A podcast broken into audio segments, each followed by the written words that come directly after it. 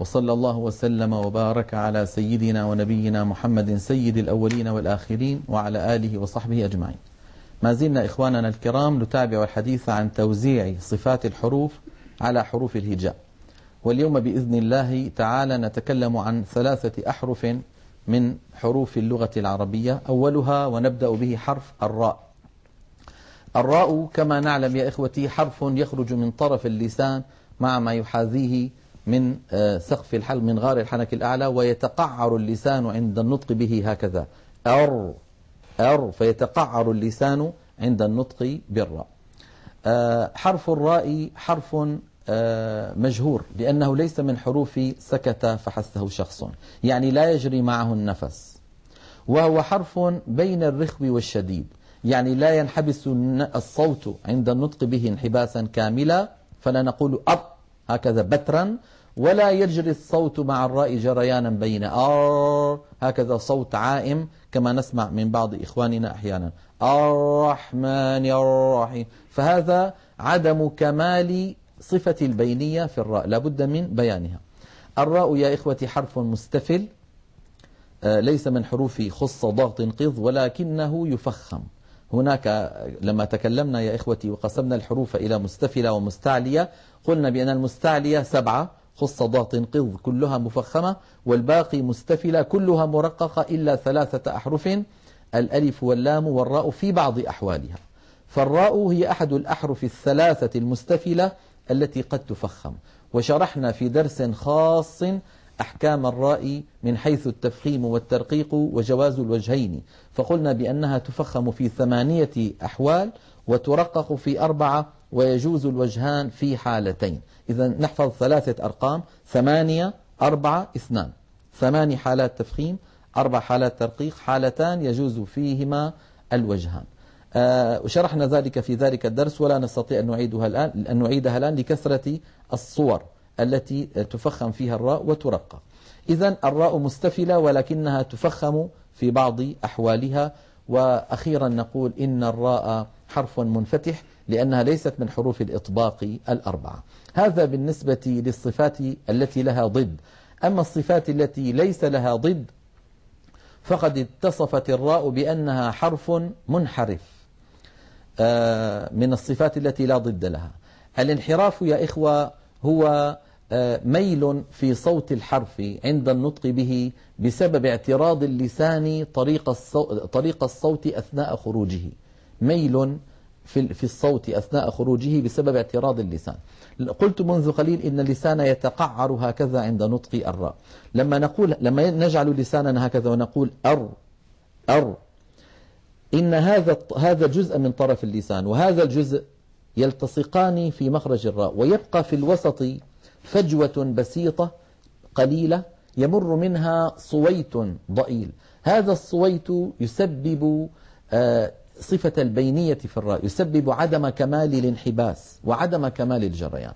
الصوت هنا كان يمشي هكذا يملأ الفم.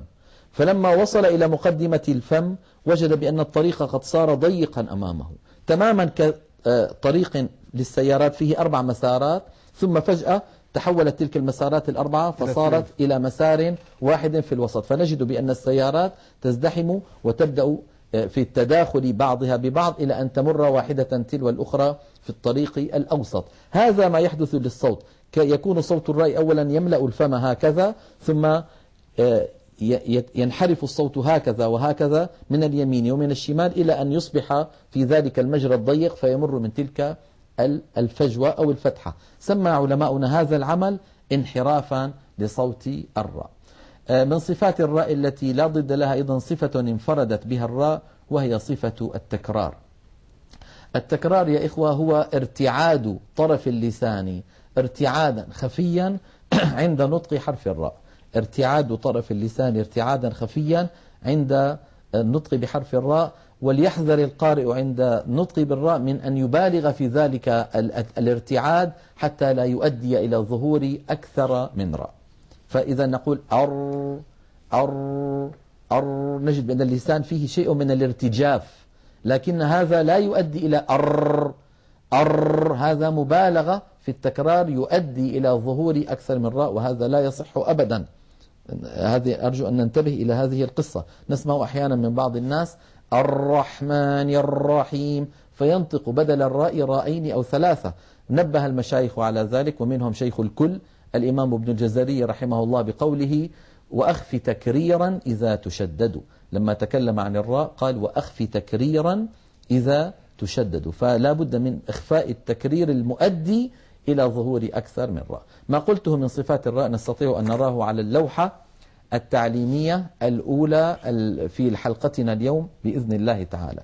نرى على الشاشة بأن الراء تتصف من الصفات ذوات الضد بأنها مجهورة وبأنها بينية يعني بين الرخوة والشديدة وبأنها مستفلة وبأنها منفتحة. أما بالنسبة للصفات التي لا ضد لها فالراء منحرفة كما شرحت منذ قليل والراء أيضا فيها آه، تكرير فالراء متكررة. هذه هي صفات الراء الست التي اتصفت بها. ننتقل بعد ذلك إلى حرف الزاي. حرف الزاي آه، ويقال له الزاء ويقال له زي. حرف الزي أو حرف الزاء أو حرف الزاي. ولا يقال الزين كما يقول كثير من العامة آه، حرف الزين. ما في شيء اسمه حرف الزين. لم يذكر علماؤنا هذا الصوت. أو هذا الاسم للزاي. حرف الزاي يا إخوة حرف مجهور لأنه من ليس من حروف سكت فحثه شخص. فلا يجري معه النفس بقوة وإنما يجري معه نفس ضئيل لا يعتد به. وهذا ظاهر بالتجربة والبرهان. أز أز لما يضع الإنسان يده هكذا أمام فمه يجد بأن هناك هواء خفيفا يخرج. لم يعتد علماؤنا بهذا الهواء الضئيل ليجعل من الزاي حرفا مهموسا فهي حرف مجهور إذا لا يجري معه نفس كثير. أما من حيث جريان الصوت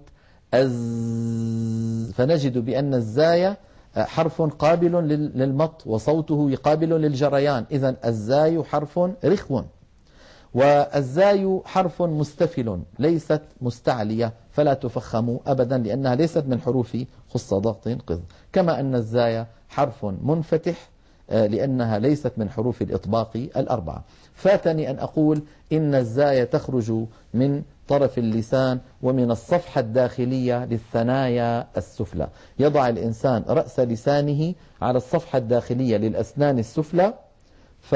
وينطق. فيكون هنا الأسنان السفلى وهنا الأسنان العليا واللسان هكذا. فلما ينطق الإنسان الصوت الذي ينشأ في هذا الجو أز... هذا الصوت يسميه العلماء حرف الزاي.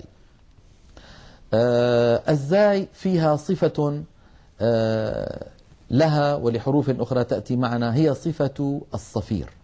الصفير صفة لحرف الزاي والصفير هو حدة في صوت الحرف تنشأ عن ضيق مجرى الصوت.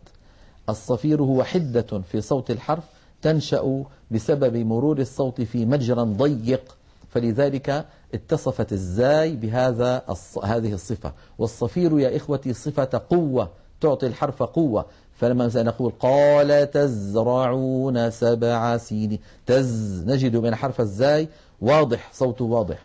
والله عزيز حكيم.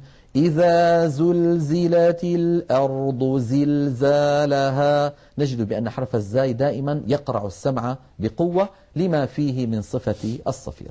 نلاحظ على اللوحة التعليمية الثانية في حلقة اليوم آه، صفات حرف الزاي التي تكلمنا عنها. أما الصفات ذوات الضد فقد اتصفت الزاي بأنها مجهورة وبأنها رخوة وبأنها مستفلة وبأنها منفتحة. وأما الصفات التي لا ضد لها فقلنا منذ قليل إن فيها صفيرا. الحرف الثالث والأخير في حلقة اليوم هو حرف السين. والسين يا إخوة مخرجها من مخرج الزاي يعني من طرف اللسان كما ذكرت ومن الصفحة الداخلية للثنايا السفلى. أرجو أن تعود الكاميرا إلي أستاذ المخرج. إذا طرف اللسان يكون على الصفحة الداخلية للأسنان السفلى تماما كما كان في حرف الزاي ولكن صوت السين مختلف لاختلاف صفاتها عن صفات آه، الزاي. ليس كلها بل بعضها. السين يا إخوة حرف مهموس لأنها من حروف سكت فحثه شخص. أس أس فالسين إذن حرف فيه جريان للهواء. جريان للنفس كما أن فيه جريانا للصوت أيضا. أس فالسين حرف مهموس رخو وهو حرف منفتح لأنه ليس من حروف الاستعلاء السبعة خص ضغط قض وهو حرف آه، منفتح آه، لأنه ليس من حروف الإطباق الأربعة. هذا بالنسبة للصفات ذوات الضد. أما الصفات التي لا ضد لها فقد اتصفت السين بأنها حرف فيه صفير تماما كحرف الزاي الذي مر معنا منذ قليل. إذا آه، لما يضع الإنسان رأس لسانه هنا عندنا الأسنان السفلى وعندنا الأسنان العليا الصوت يخرج من هذا المكان يصطدم بعض الصوت بالثنايا العليا من الداخل وبعضه بالثنايا السفلى آه، من الداخل أيضا ويجري جزء من الصوت إلى الخارج. مجموع هذا العمل أس يسميه العلماء حرف السين. فلذلك بعض علمائنا لما وصف حرف السين قال بأنها تخرج من طرف اللسان ومن آه، الثنايا العليا. فظن بعض إخواننا سامحهم الله أن الإنسان يضع لسانه في الأعلى وهذا خطأ بين.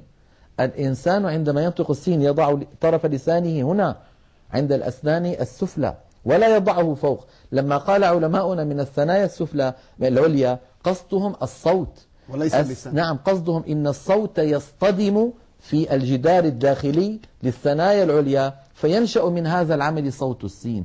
ولا يعنون أبدا أن الإنسان يضع لسانه فوق. وقد ظهرت وللأسف بعض كتب التجويد التي فيها صور. فرأيت في بعض الكتب صورة اللسان وقد أخذ شكله هكذا إلى الأعلى. وقريبا من الثنايا العليا اعتمادا على تلك العبارة التي أساء مؤلف هذا الكتاب المعاصر فهمها. إذا يا إخوتي ليس كل من قرأ كلمتين في التجويد يستطيع أن يمسك القلم فيؤلف.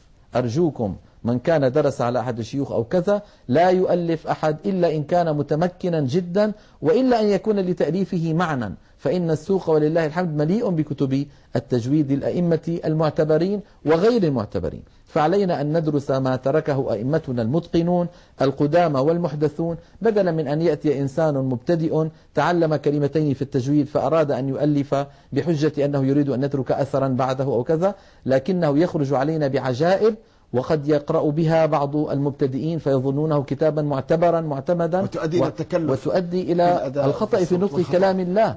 لذلك علماؤنا سنوا لنا الإجازة في القرآن. يقول الواحد الآخر هل أنت مجاز؟ بمعنى هل سمح لك شيوخك أن تعلم؟ فإن الإجازة نوعان ولو استطردت قليلا إجازة أن يقرأ ولا يقرئ. وإجازة أن يقرأ ويقرئ. نعم بعض الشيوخ سيدي يقول له أجزتك أن تقرأ نعم. ولا تقرأ لأنه لم يجد فيه الأهلية لنقل المعلومة وإنما هو إن قرأ فإنه يتقن القراءة لكن ليس لديه الأهلية لنقلها ولا لنقد الأصوات نعم. فلذلك يقول له أجزتك أن تقرأ. أما الإجازة المعتبرة التي عليها المعول فهي أن تقرأ وتقرئ. هذا استطراد في درس اليوم. وبإذن الله تعالى في الدرس القادم نتكلم عن حروف جديدة ونوزع الصفات عليها. وصلى الله وسلم وبارك على سيدنا ونبينا محمد وعلى آله وصحبه شكرا دكتور أيمن وجزاكم الله خيرا. الآن نرى اللوحة مع الأستاذ دكتور نعم.